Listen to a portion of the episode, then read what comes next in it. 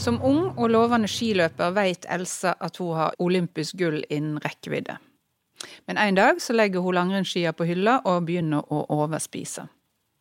Romanen 'Datteren' er Lena Anderssons oppfølger til romanen 'Sveas sønn' om den ihuga sosialdemokraten Ragnar som strever med å finne seg til rette i den moderne tida.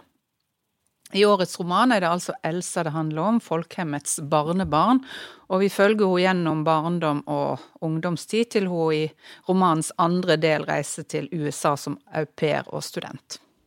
De bor i en mellomstor sokkelåda i et område med mange likadana låga hus i harmoniske rader. Husen har hvit rappning med faluröda treinslag. De finns i två sorter som är spegelvända mot varandra. Den ena sorten har en liten framsida med en större inhägnad baksida där en minimal trädgård med fruktträd kan anläggas.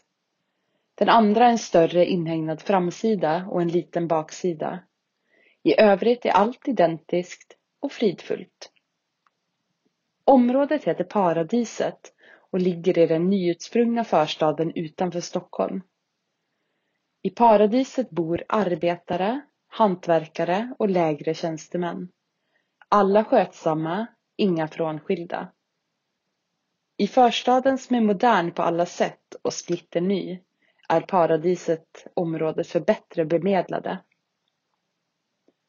Med klar vetskap om hur människan fungerar, men med gott hopp om att hon kan förbättras, är de sociala ingenjörernas planering sån att olika typer av bostäder lagts nära varandra på det att människor från olika socialgrupper kan mötas på torg och i samfärdsmedel, i butiker och skolsalar, i idrottsföreningar och på föräldramöten, i de kommunala elljusspåren. Möten sker också på andra sätt. Det är till paradiset barnen från förstadens centrum går för att palla äpplen och plommon. Inte för att de är sugna på frukt, utan av rättviseskäl. Ty i paradiset bor de rika, enligt de som inte bor där. I paradiset bor också Elsa Johansson med sin bror Erik, sin mor Elisabeth och sin far Ragnar. Datteren er andre bok i Norsk litteraturfestivals podkastserie Lesesirkelen, som består av de eminente leserne forfatter Pedro Carmona Alvarez, kritiker Kaja Skjerven Målerin og litteraturprofessor Tone Selbo. Velkommen til dere. Takk. Takk skal du ha. Jeg heter Marit Eikemo, og jeg er kunstnerisk rådgiver for Norsk litteraturfestival. Og vi fire vi befinner oss eh, faktisk ikke i hvert vårt rom på hver vår kant av landet, men i samme studio på Deichmanske bibliotek i Oslo. Og vi håper at den eh, gleden som vi føler ved å være samla og snakke om litteratur, vil stråle ut til dere. Først litt om Lene Andersson. Hun er en av Sveriges fremste romanforfattere og samfunnsdebattanter eh, rettsstridig forføyning eh, om den uforlignelige poeten og essayisten Ester Nilsson. Og forelskelsens systematiske sjølbedrag det ble hennes store gjennombruddsroman i 2013. Hva vil dere si om karakteren i årets roman? Elsa, hvem er hun? Hun er jo barna sin tid. Eller det vil si, hun personifiserer på en måte det som skjer i samtidens Sverige. Hun starter eh, som barn av folkehemmet, og så blir hun jeg vet ikke om man skal si protesten mot folkehemmet, men det er i hvert fall en, det er en slags to hovedpersoner her, da. Det er Elsa på den ene siden, og så er det folkehemmet på den andre siden. Og så er det liksom interaksjonen mellom enkeltmennesket og den svenske moderniteten og postmoderniteten. Så blir hun jo også beskrevet, altså Du snakket om to ulike hovedpersoner. Eh, boken har jo også to litt sånn ulike deler, hvor den ene delen, slik jeg oppfatter det, er en fortelling om, om Elsas eh, forhold til idrett, altså skiløperen Elsas eh, historie. Eh, den andre delen eh, er en, en, del om Elsa i USA, altså at hun reiser til USA og får helt andre type mm, liksom, kulturell input, da. Eh, og den skiløperhistorien er jo i veldig stor grad en, en fortelling om forholdet mellom Elsa og faren. og USA-delen er vel i veldig stor grad en løsrivelseshistorie. Altså hvordan Elsa forsøker å løsrive seg fra faren, mm. men kanskje likevel ja, kanskje ikke lykkes så veldig godt i det. Det kommer vi vel mm. inn på litt uh, underveis, går jeg ut fra. Mm. Jeg syns også det er um, at uh, det er jo en ganske streit fortelling. Dette her om, altså, Man følger denne jenta fra hun er temmelig ung til hun er vel i begynnelsen av 20-åra, vil jeg tro. Eh, kronologisk eh, og, og, eh, jeg er helt enig med Kai her om at dette er, faren er på en måte den andre veggen her i romanen. Og, og, og også fordi at disse personene i boka, for meg i hvert fall, fremstår veldig som representanter for, for ting, da, for ideer? Eh, som, som romanen trenger for å, for å, bli båret frem. Og jeg syns også at fortelleren er viktig her, som hovedperson. Det er Fortelleren driver denne fortellingen veldig, og, og styrer den med, med myndig hånd. Eh, jeg si. ser at den eh, svenske den har undertittelen 'En fortelling om folkehemmets oppløsning', men de har ikke den norske. Men den, den er jo en fortelling både om hvor sterkt eh, liksom de sosialdemokratiske ideene sitter, også i Elsa, og en fortelling om eh, opprøret mot det. Og det er jo interessant det der med henne og faren, fordi at eh, den første delen av USA-oppholdet, som vi sikkert skal komme tilbake til, mm. det dreier seg jo om at hun nærmest blir farens talerør i møte med denne familien som ikke skjønner at ikke hele verden kan være som Sverige, og at hun har liksom rett retten på sin side. Og det er også veldig interessant, for der kommer det, apropos du snakket om fortelleren, der kommer det jo også et veldig sånn selvransakende blikk inn på Elsa som Sveriges representant i verden. Og så snur det eh, når vi kommer til, eh, til, Berkeley og det mer eh, hvor liksom vi møter postmodernismen og poststrukturalismen og alle disse ideene, så snur perspektivet. Eh, så, så, det er ganske interessant hvordan det kommer en sånn vifte av eh, syn på, på etterkrigstiden Sverige. Men det er også tenker jeg, en roman som handler om, om å på en måte leite da, etter hvem man skal være. Hvordan skal man være når, på en måte. Sant? Elsa er en person som, som også hele tiden leiter etter sånn hvis jeg gjør dette, dette, sånn må ting være. Hva har jeg lært av, av far min? sant? Den derre farsfiguren som da er ute etter å at, altså, Som tror på framskrittet. sant? Han tror på at ting eh, må, Vi må komme oss vekk fra liksom, den gamle svenske fattigdommen og liksom eh, denne bestemorens liksom, sylta mat og den, de gamle tradisjonene. Nå skal vi inn i modernismen. Det er en fremtidstro da, på at ting skal bli bedre. ikke sant? Og der er jo folkehemmet helt essensielt. At der alle skal få det bedre. Vi som kollektiv dette her skal framover.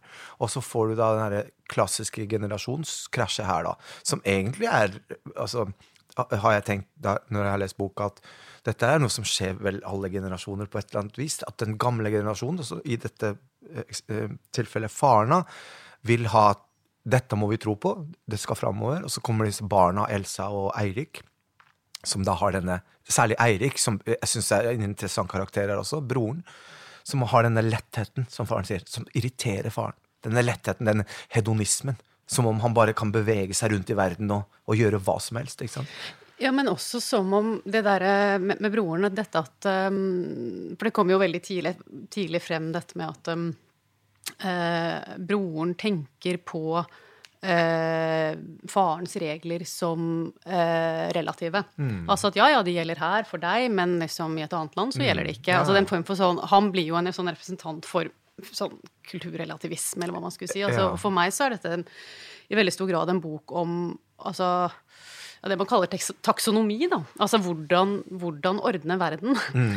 Eh, og faren er jo en mann som måler og veier mm. og, og, har eh, tellekant på, mm. på alt mulig. Så, så, så, hvordan man helt konkret ordner verden, men mm. også hvilke føringer kulturen legger for hvordan du ordner verden. Ja, ja. Eh, altså, og det er klart at det kommer jo tilbake i den USA-delen også. Ja. Men hvis man også skal være litt generaliserende, så er jo dette sånn, det stempelet som svensk og Sverige har òg. Ordna forhold, alt skal være veldig streit, alle gjør det samme. Det er på en måte en sånn uh, Vi snakket jo også om, uh, snakket om Asta Olivia Nordenovs danske roman. Uh, 'Penger på lomma', som er mye mer uryddig og mye mer altså, Dette her er en, en, også en, en, roman som handler om jeg er helt enig om, om, å ordne ting, om å navngi ting, om at noe må holde noe annet på plass. Hvis ikke så glir alt unna. Og dette er jo en veldig sånn samtids... Eh, viktige ting i samtiden også. Men jeg tenker også at det er veldig lett å si at dette er Sverige. liksom, mm. At Sverige, der er det ordning og reda, og der, eh, der er liksom alt innenfor faste kategorier, og da blir opprøret også mer smertefullt, og rommet for debatt kanskje mindre. Det tror, sier vi i hvert fall ofte i Norge. Men jeg som uh, har barndommen min fra 60-tallet, jeg kjenner jo igjen veldig mye av dette her. Mm. Uh, um, og hva vil det si å være barn av sin tid? Hva vil det si å vokse opp i en tid som har et veldig klart felles verdisett? Altså dette her Veldig mye mm. av dette her, det er litt, altså, litt karikert, og det er liksom posesuppesamfunnet, og Ragnar får man både ømhet for og altså faren, og blir litt sånn oppgitt over. Men jeg som har vokst opp i en liten industriby på Østlandet på, med barndom på 60-tallet, kjenner jo igjen eh, veldig mye av liksom verdisettet her. Mm. Eh, det er liksom historien om vår tid. Det er en roman som tenker via sine personer. Det er en slags idéroman. Og så er den også mer interessant enn å bare bli forvalter av ideer. Mm. Ja, for jeg skulle akkurat si det at jeg ser jo at den har jo ofte blitt ja, av mange blitt omtalt som en idéroman. Eh, men jeg syns jo også den er veldig Altså at Relasjonsbeskrivelsen i den er, er veldig mm. fine, syns jeg. Og altså, Hun skriver et sted noe sånt som å være blant mennesker er å bli iakttatt. Eh, og fortelleren i denne boken er jo en veldig god eh, iakttager, mm, eh, syns jeg. da, Og det er klart at Jeg må innrømme at jeg, altså, jeg lo ganske mye da jeg leste den boken. Synes mm. Det er veldig mye komikk i den, men mm. den, den, er komisk på en måte som springer ut av et stort alvor. Altså Det er ikke en forteller som prøver å være morsom, men det er Altså Komikken vokser ut av, av alvoret, da. Mm er, er, altså fortelleren her er veldig bra på eh, bra innsikt om folk, hvordan folk reagerer, og hvordan folk agerer mot hverandre og i, og i hverandres selskap. Det, det, er jeg helt enig i. Og jeg også har tenkt at altså i den grad jeg syns at fortelleren her er veldig dominerende, så er det, så er det, det at den, den fortelleren langt på vei eh, språkliggjør veldig mye for karakterene sine. Ikke sant? Og, og altså, særlig når, når, man liksom møter en sånn type språklighet som er metaforik og, og, basert på den typen ting, at det blir veldig tydelig. da, At, eh, at, at, at forfatteren, eller fortelleren vet veldig mye om sine personer. og har, altså, Litt sånn marionettaktig av og til. At han bruker personene sine på en måte som hos dårligere forfattere enn Lene Andersson hadde vært veldig plagsomt, tenker jeg. Men jeg er helt enig, hun gjør det veldig, veldig fint. Og jeg syns også er en bok som har vært eh, som har mye, mye, morsomt i seg, men, men, som også er bra på det relasjonelle. Jeg synes det er psykologisk. Ja, og så synes jeg Det er jo et veldig godt grep å liksom vise Bruke f.eks. Ja, sport og mat er jo mm. liksom to sånne viktige motiver som er knyttet til hva det vil si å være en kropp i verden, og hvordan fungerer denne kroppen i en større sammenheng. Og jeg syns eh, man kunne kanskje tenke seg til å begynne med at eh, Elsa nærmest er litt sånn parodisk. Det starter jo med at hun liksom rydder alle familiens sko og setter dem på rekke og rad, og moren mm. er hun fem år, og moren spør hva gjør hun. Men hun får jo en mye større både funksjon og betydning enn det å bli et symptom på noe. Uh, og jeg syns den fremstillingen av overgangen fra å være konkurranseskiløper til at hun må legge dette på hylla, og hva, hva som skjer med kroppen og maten, og hun begynner å slanke seg, rett og slett. Altså, det er en ubetenksom trener som sier at du burde gå ned fem kilo, og så begynner hun å overspise isteden. Og, og så blir dette restituert på slutten av romanen, da, hvor hun skjønner at det å spise ordentlig er kanskje det som skal til. Men jeg syns det er veldig godt gjort. Uh, det er et veldig god måte å, å vise fram uh, Igjen så er vi inne på det der å ha kontroll og ikke ha mm. kontroll, og hva som styrer hva. Uh. Mm. Er det ikke også noe, ja, noe, noe med det der å sette Altså at hun setter hovedpersonene i, i, en del situasjoner som blir veldig beskrivende. Jeg tenker på den første episoden med eh, Eller kommer ganske tidlig i boken, med sykkelen. Altså da Elsa er liten, eh, og, så, og, så, skal hun eh, Og så får, har, ta sykkel, for, første gang sykle hjem fra daghjemmet. Eh, og så får hun ikke opp låsen, og så drar hun med seg sykkelen helt hjem i stedet for å, stedet for å ja, la den stå igjen, eller altså um, som, som, blir en sånn episode hvor faren lurer på om det er noe litt sånn Hva er det hun, hun ikke forstår? Eller hva datteren på en eller annen måte er um, har en sånn type egenrådighet som kommer til uttrykk i ulike situasjoner i denne boken. Altså sin helt egne måte å forstå ting på. Og det, det er en sånn episode som når hun kommer til eh, USA, den første familien hun er i, det er vel Chicago, uh, og så blir det noe litt sånn uh, diskusjoner dem imellom, og så sier hun noe sånt som 'jeg er au pair', det betyr på samme nivå. Og det betyr det jo. Ja, ja. men, men, men, men liksom innad i familien så betyr det jo ikke det, da. Da er hun jo gjest, eller hun er, de skal hjelpe dem, eller de tenker ikke på dette like bokstavelig som henne, men hun har en sånn veldig bokstavelig måte å tolke både språk og situasjoner på, som, som, som jeg syns at um, ja, Andersen er god på å sette henne i situasjoner som gjør at man får fram personlighetstrekk på en veldig sånn lite tvungen måte og veldig bra på, på en måte å, å, vise hvordan dette unge mennesket også er Forsøker å, å være seg sjøl, forsøker å lære seg opp i hvem, hvem, hun er da, i livet, hvem hun skal være i sitt eget liv. Hva, hva, dette livet mitt skal inneholde, på en måte. Og samtidig så er det helt sånn um, tydelig bånd til arv, da. Som jo, altså Boken handler jo om det om historie sant? og arv. Der er hun lik faren. At det her, hvis du gjør noe, må du gjøre det skikkelig. Og derfor drar jeg med meg denne sykkelen i stedet for å bare la den stå, så henter vi den seinere. Nei, nå har vi sagt at sånn må vi gjøre det, og da gjør vi det på den måten. Da. Og det er jo en konflikt, enorm konflikt der mellom det Elsa forsøker å gjøre i livet sitt, å søke utover, bli, tenke andre tanker, særlig da når hun kommer til USA og møter disse her Berkeley eh, menneskene som, som, på en måte Der hvor ingenting er, henger sammen på noe vis. Eller alt er konstruksjoner. Alt er konstruksjoner, liksom. Men går, det er jo veldig interessant, fordi at uh, hun er jo en bokstavelig fortolker mm. uh, i utgangspunktet. Eh, du nevnte det eksempelet, Kaja, med å være au pair liksom på samme nivå. Og, og, det gjør at hun også mangler noen sånne sosiale antenner i, i, situasjonene. Og det som forbauset meg når hun kommer til denne familien i Chicago, er at det er det akkurat som ordensmennesket Elsa glipper litt. Mm. Fordi at da har hun kommet inn i Er hun fortsatt i overspisingsfasen? Mm. Så hun spiser Du skjønner jo hvorfor eh, den familien der irriterer seg over henne òg. Mm. Er du gæren? Hun, hun, spiser opp uh, restene av bursdagskaken som skal være til alle. Hun, hun lar tingene sine flyte. Hun innretter seg liksom akkurat som hun vil. Mm. Uh, og skjønner ikke at det ikke gjør det akkurat som i Sverige. Mm. Uh, men det er jo en sånn kontrast til hvordan hun var som liten, mm. hvor hun liksom ordner. Men hun er fortsatt en bokstavelig fortolker, da. Før hun da kommer på konstruksjonskjøret, hun også. Eh, jeg vil bare litt sånn tilbake til langrennskarrieren hennes. Det henger jo litt sammen med det du nettopp sa, også den eh, Pedro. Det med at eh, ja, man slutter, man slutter ikke med ting. Altså man fullfører ting i, i folkehjemmet. Man slutter liksom ikke bare med idrett.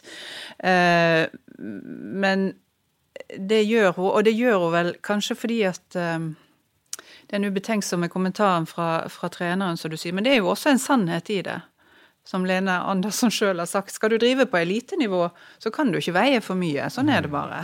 Det er jo utrolig interessant, ja. fordi at alt er liksom sånn gjennomsnittet. Alle skal med. Eh, eh, alt skal være inkludert. Ingen skal stikke seg ut, bortsett fra på sportsnivået. Mm.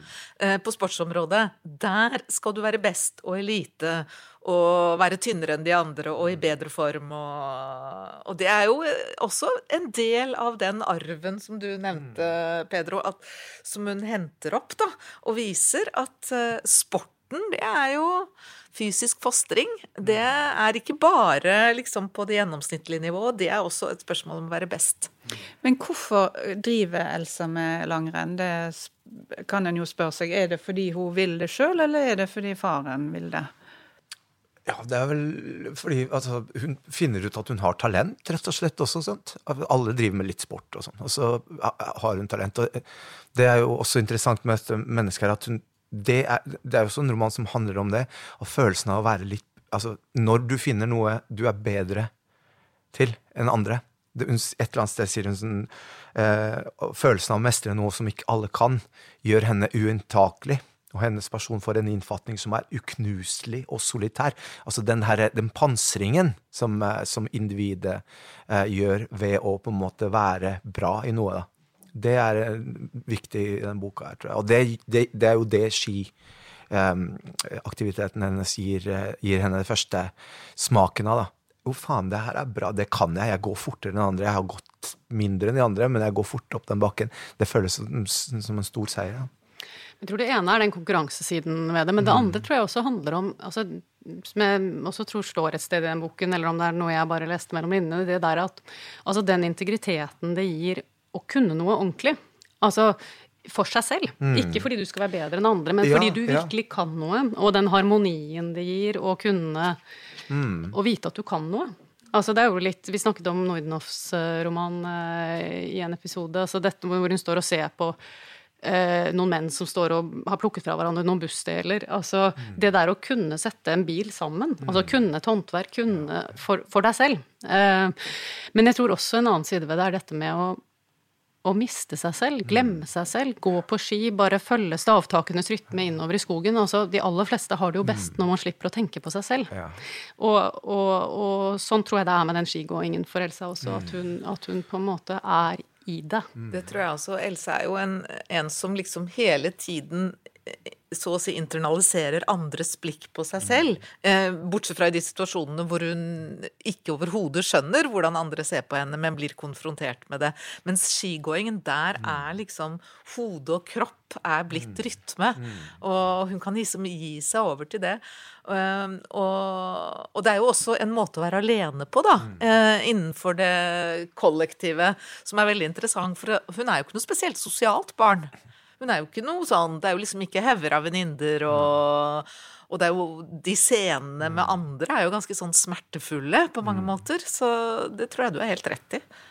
Men jeg syns også at, um, at uh, dette med det som du sier, Kaja, om det å, å, være alene, eller på en måte å være vekke fra seg selv da, når man gjør dette her, uh, altså ski, skigåingen. da.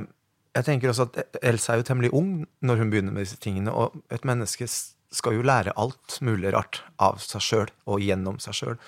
Og det hun lærer av dette her, er jo også det at for eksempel, hun sier et eller annet sted at smerten er en egen type nytelse.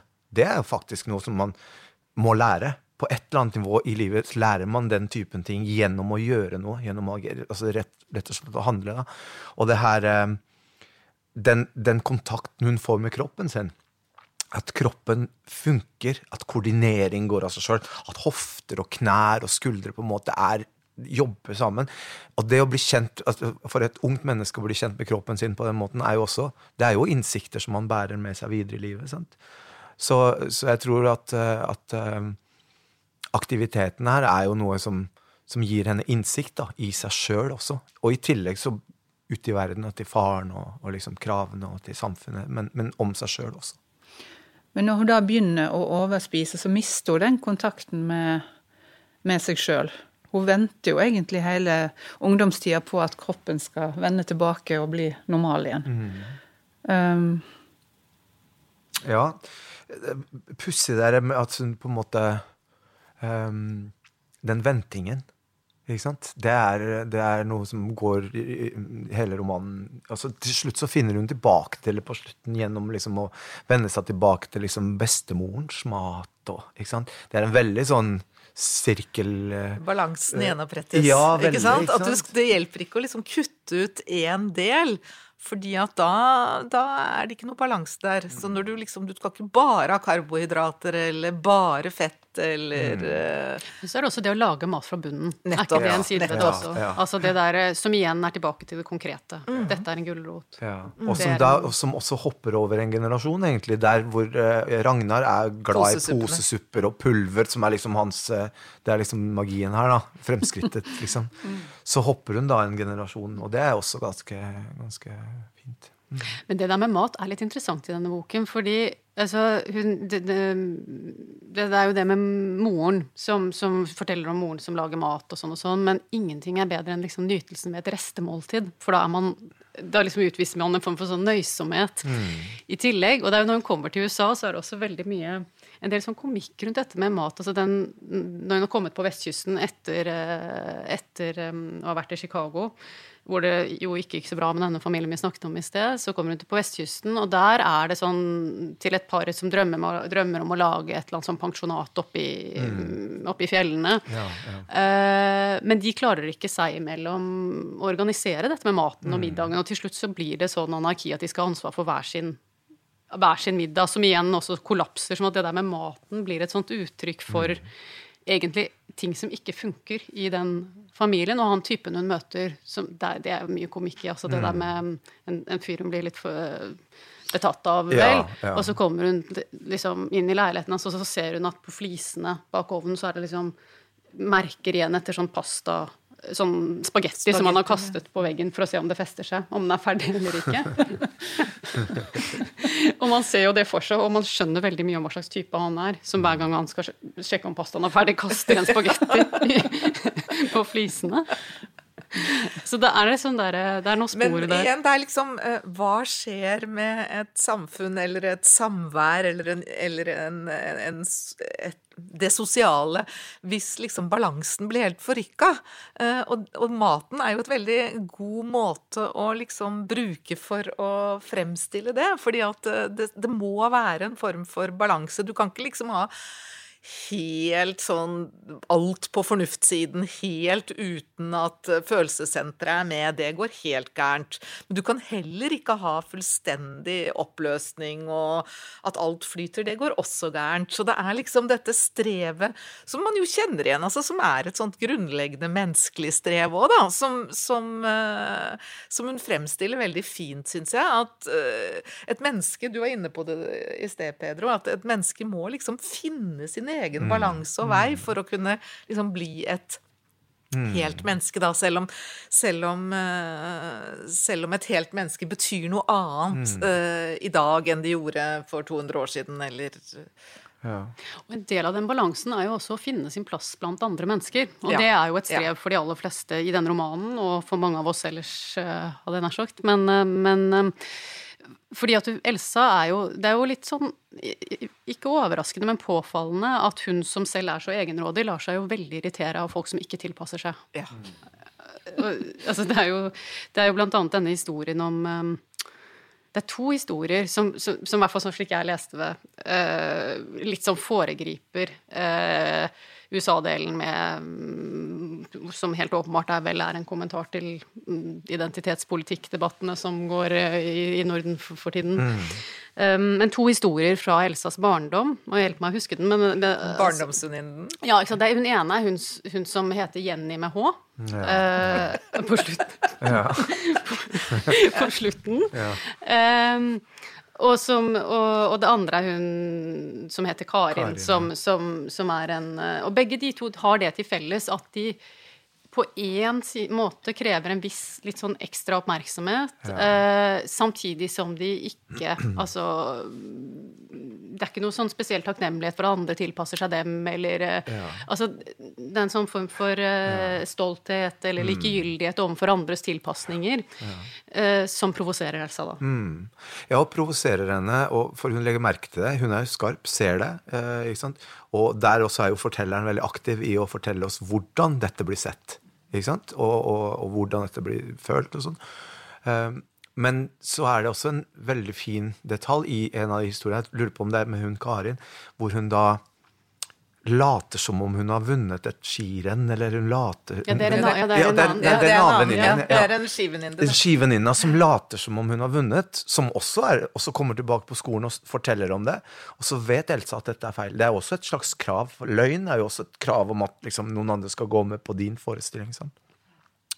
Og så bestemmer Elsa seg for å jeg skal, jeg skal være med på den løgnen, sånn at det ikke skal bli så ubehagelig for, for, alle, egentlig. At det, der, det forrykker jo hele den sosiale balansen. Sant? Og det er jo noe hun ikke liker.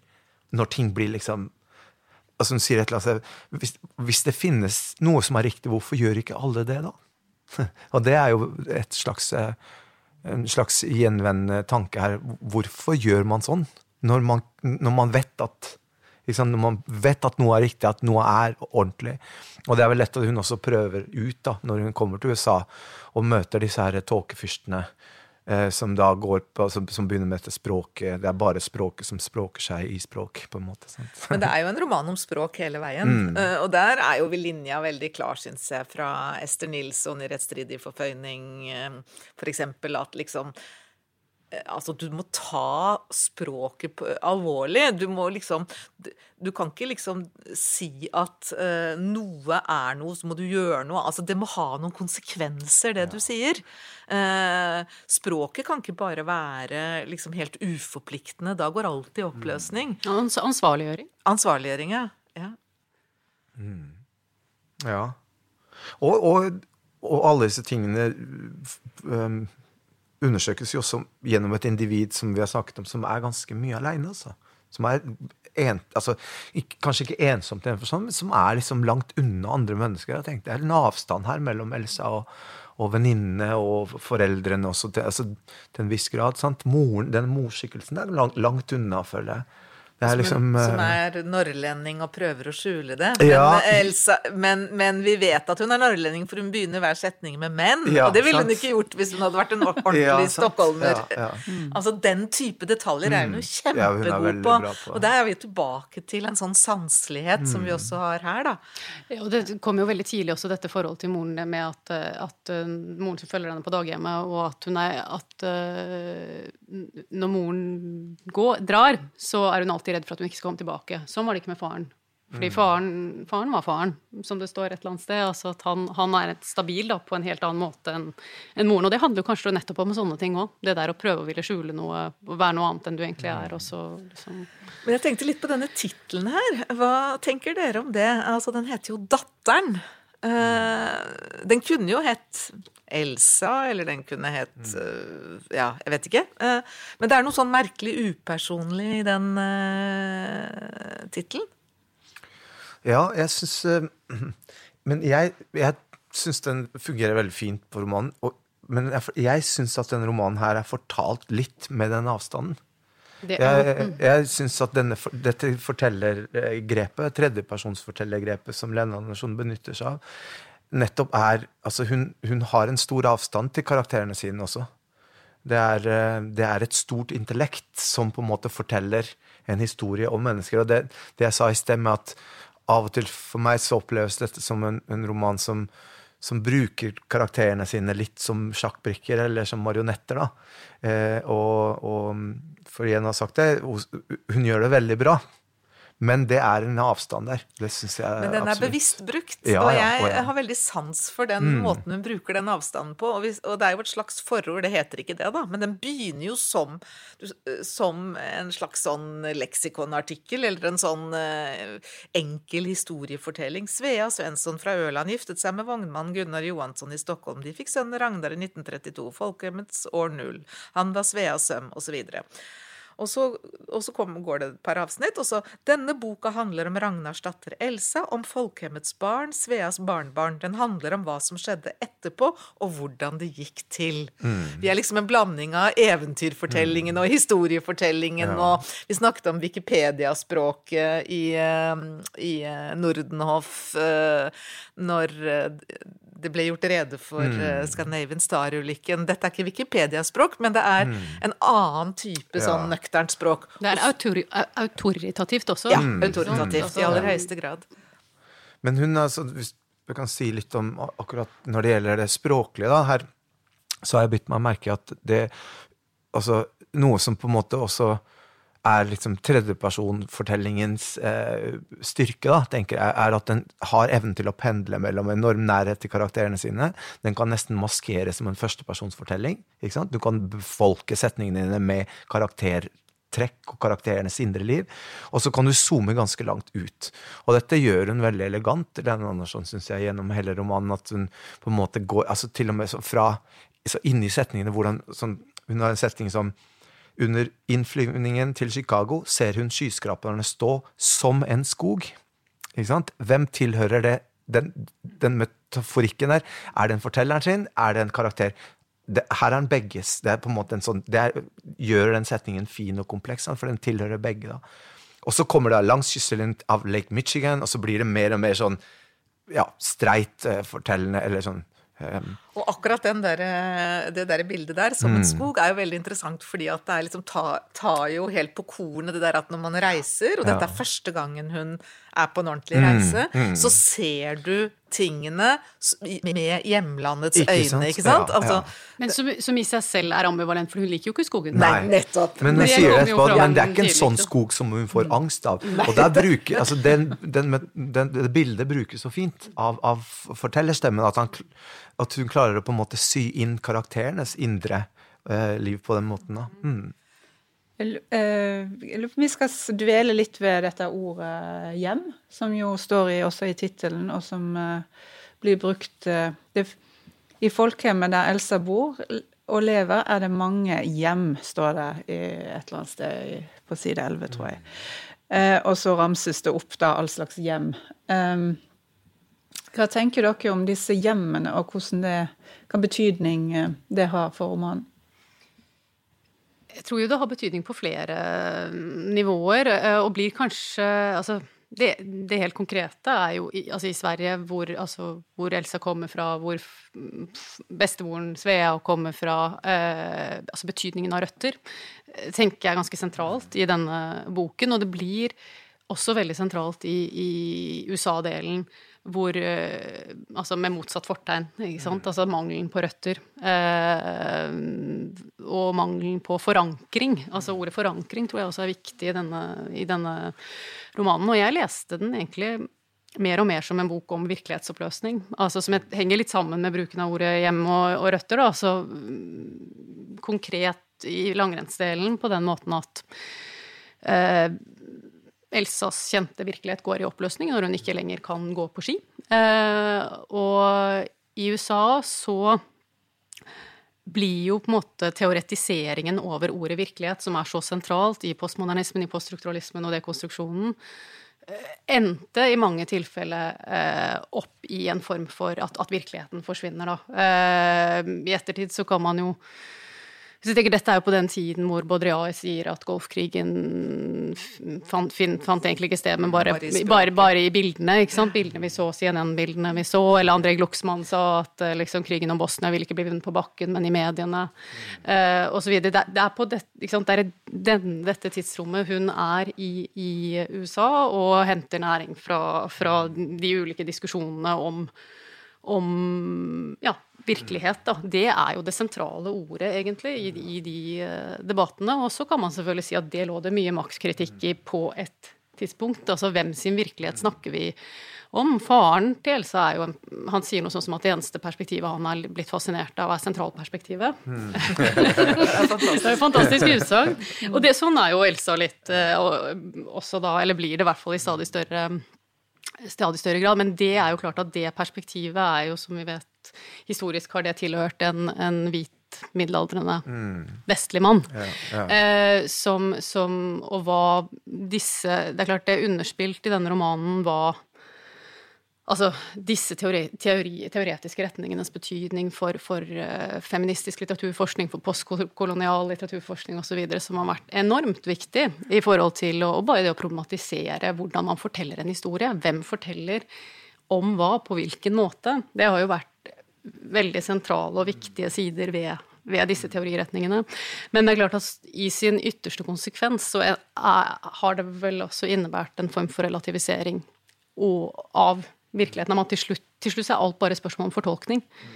Ja, du, du ser verden sånn, jeg ser den sånn, og, og vi har ingenting felles. Virkeligheten er borte. Altså den felles virkeligheten er borte, da. Så virkelighetsoppløsning i den forstand. Men Ja, jeg ja, ja, unnskyld.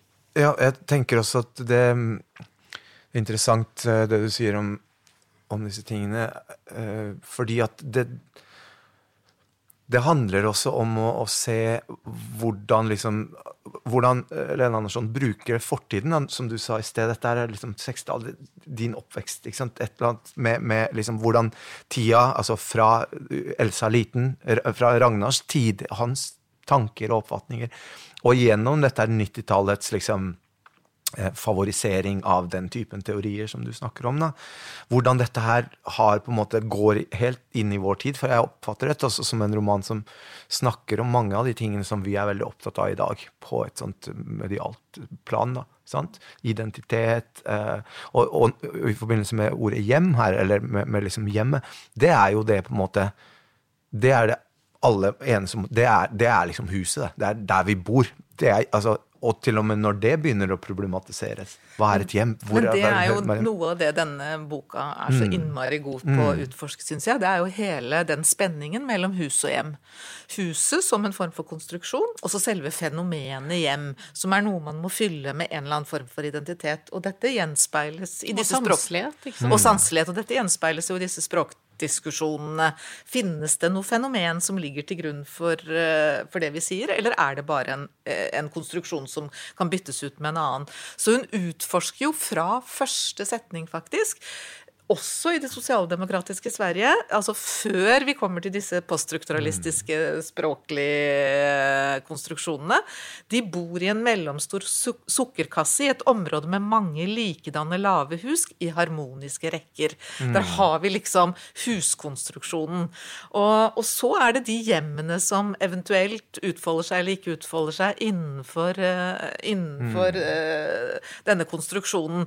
Og så er det jo ganske parodisk typisk og veldig talende at når hun får sin første jobb, så er det jo nettopp som en form for hjemmehjelp. Mm. Altså, hun blir au pair, ikke sant, hun skal passe barn og eventuelt lage mat og sånn. Mm. I hus som er helt annerledes enn det hun har vokst opp i, og i, hjem, og i en forståelse av hvordan et hjem utfolder seg som ikke bare et privatanleggende, men som en sosial uh, Kall det gjerne identitet, da, eller i hvert fall et fenomen, uh, som er helt annerledes, og som hun må prøve å forstå og som hun langt på vei ikke forstår eller ikke klarer å forholde seg til. Det handler jo litt om det språklige også. Igjen så gjør det det. da. Hun sier et sted noe sånt som at, at, eh, at hun, hun, sitter og ser på TV og hører ulike folk sitte, altså, snakker amerikansk. da. Så sier hun noe sånn Det høres ut som de snakker sidelengs. Ja. Altså at alle ordene Fordi alle ordene ligner på mm. hverandre på en måte som gjør at, altså at de ikke har røtter. Og så følger en veldig fin eh, betraktning om, om, Jeg vet ikke om det er rett etter der eller litt senere i boken, noe om at, eh, at, all, at for henne så har liksom hvert ord røtter i et sånt sanselig konsentrat av Sverige som finnes inni henne som en indre mm. realitet. Mm. Enten uansett om andre kaller det en konstruksjon eller ikke, for henne er det virkelig. Mm.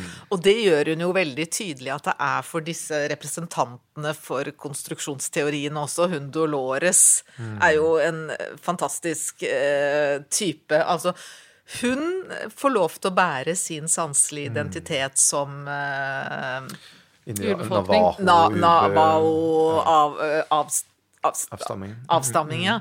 Uh, og der er det helt umulig å liksom sette spørsmålstegn uh, uh, ved hennes identitet, da. Mm. den er liksom overstyrer alle konstruksjoner, mens å si at man liksom bærer med seg en historie som svensk, det er, det er Da er du med en gang inne inn og forvalter makt. Ja. Jeg syns også, hvis man hvis man ser på disse unge menneskene der oppe, Berkeley, hvordan de er skildra, jeg De er jo komiske, ikke sant? Det, det, blir veldig sånn De er på en måte også sånn representanter for disse ideene og sånn. De er jo ikke akkurat sånn superrunde karakterer. Ikke veldig komplekse psykologiske konstruksjoner, det, det må jeg jo si. Men det, det, har jo litt med stilen, skrivestilen å gjøre òg. Det er på en måte mulig å gjøre det for Andersson, da. Men, øh, men jeg syns også hun er god til å skildre hvor hvor liksom dette med å være ung og nettopp ha kommet en type kunnskap som man har trodd at man liksom har, har beleira på et eller annet vis og, og gjort, gjort til, til sin. da og hvor dum man låter når man er ung òg, på et vis. Eh, et, og, og, og, hvor ivrig man er, og hvor, hvor, mye man vil dette her, som man ikke helt ennå kan. Ja, hun, hun gjør jo det samme sjøl når hun kommer hjem igjen og skal begynne ja, å belære faren. Så er hun jo selv en som liksom ja. blir forvalt, eller en fortaler for disse ideene. Og det er en fabelaktig scene hvor faren begynner å si sånn, men hva, hvis, altså, hallo, liksom. Hvis ikke, et eller annet sted sier han hvis du eh, Hvis du er blind da, og døv eller noe sånt, da har du ingen virkelig altså, Da veit du ingenting om noe, da. Eller, liksom. Og hun blir jo svar skyldig ikke sant? når hun skal prøve ut disse her teoriene sine. Det er litt som Tone sa i stedet, at hun, at hun blir på en måte faren sin i USA, eh, ja, ja. og kommer tilbake og møter sin far og blir det motsatte av ham mm, eh, mm. igjen. Da. Men det, selvfølgelig det underliggende her er jo også den store ironien i at man i ettertid i hvert fall har, snakker om mange av disse tankeretningene som deler av en identitetspolitikk. Altså mm. Altså identitet som blir et veldig tomt ord i den nettopp sjablongaktig, da, ikke sant, i en del av disse diskusjonene fordi, fordi man imiterer mer enn man Ja. ja. Jeg lurer på om eh, romanen er den en beund, uttrykker den en beundring eller kritikk av folkhemmet, sånn som dere ser det? Ja, det var vanskelig spørsmål. En utforskning av folkhemmet. ja, Jeg opplever at det er eh, Altså, det er en stor Det er beskrevet med en stor ømhet også, til tross for avstanden det er beskrevet i. Eh, og det er i hvert fall en kritikk av oppløsning av alle verdier, og at alt betyr like mye, sånn som jeg leser det. Eh, men det er klart at liksom, Det er jo et sånn dynamisk historiesyn her. Ting kan ikke forbli det samme. Ting vil forandre seg. Uh, og det er kanskje derfor hun bruker det grepet med å se historien gjennom enkeltpersoner. For da får du liksom forankret det i det du kalte det sanselige, Kaja. I det, liksom det kroppslige og de der kroppsbestemte situasjonene. Så er det en, jeg tror det er mot slutten hvor, hun, hvor hun gjen, fortelleren gjengir en av Ragnars, altså farens, innsikter som noe sånt som at at jo større frihet man har, jo større indre stabilitet krever det av en. Og det tror jeg er en slags sånn innsikt i den boken som handler om Altså, altså det, det forblir jo litt sånn uklart hva indre stabilitet betyr i denne sammenheng, men kanskje betyr det noe sånt som å forstå hvordan et liv skal tas vare på, da, som hun til slutt mm, forstår. Men jeg tror jo at den innsikten da, om at, om at frihet krever indre stabilitet, um, det er kanskje en av de altså, Jeg vet ikke hva man skal kalle det, moral fra, som springer ut av folkhjemmet, men, men, ja, noe i den duren. Jeg syns det er veldig vakker uh, innsikt. Mm. Jeg synes, tror det og veldig, veldig sann. Ja, veldig sann, og jeg syns det er veldig fint å kalle det en moral. Jeg tror ikke, altså, Sånn som jeg leser Anders, Andersson, så er hun ikke så redd for å bruke et ord som moral. Altså, Hun bruker det ikke, men, men vi kan godt bruke det om henne, tenker jeg. Og med dette så takker Lesesirkelen for denne gang. Takk til Millan Persdotter Persson, som ga stemme til Lena Andersson innledningsvis. Forfatteren kan dere møte på Norsk litteraturfestival 25. til 30. mai. Og les dere gjerne opp til festivalen med oss. Neste podkast er tilgjengelig for 15. april, og da snakker vi om Iben Mondrups roman 'Tabita'. Se fullstendig leseliste på litteraturfestival.no.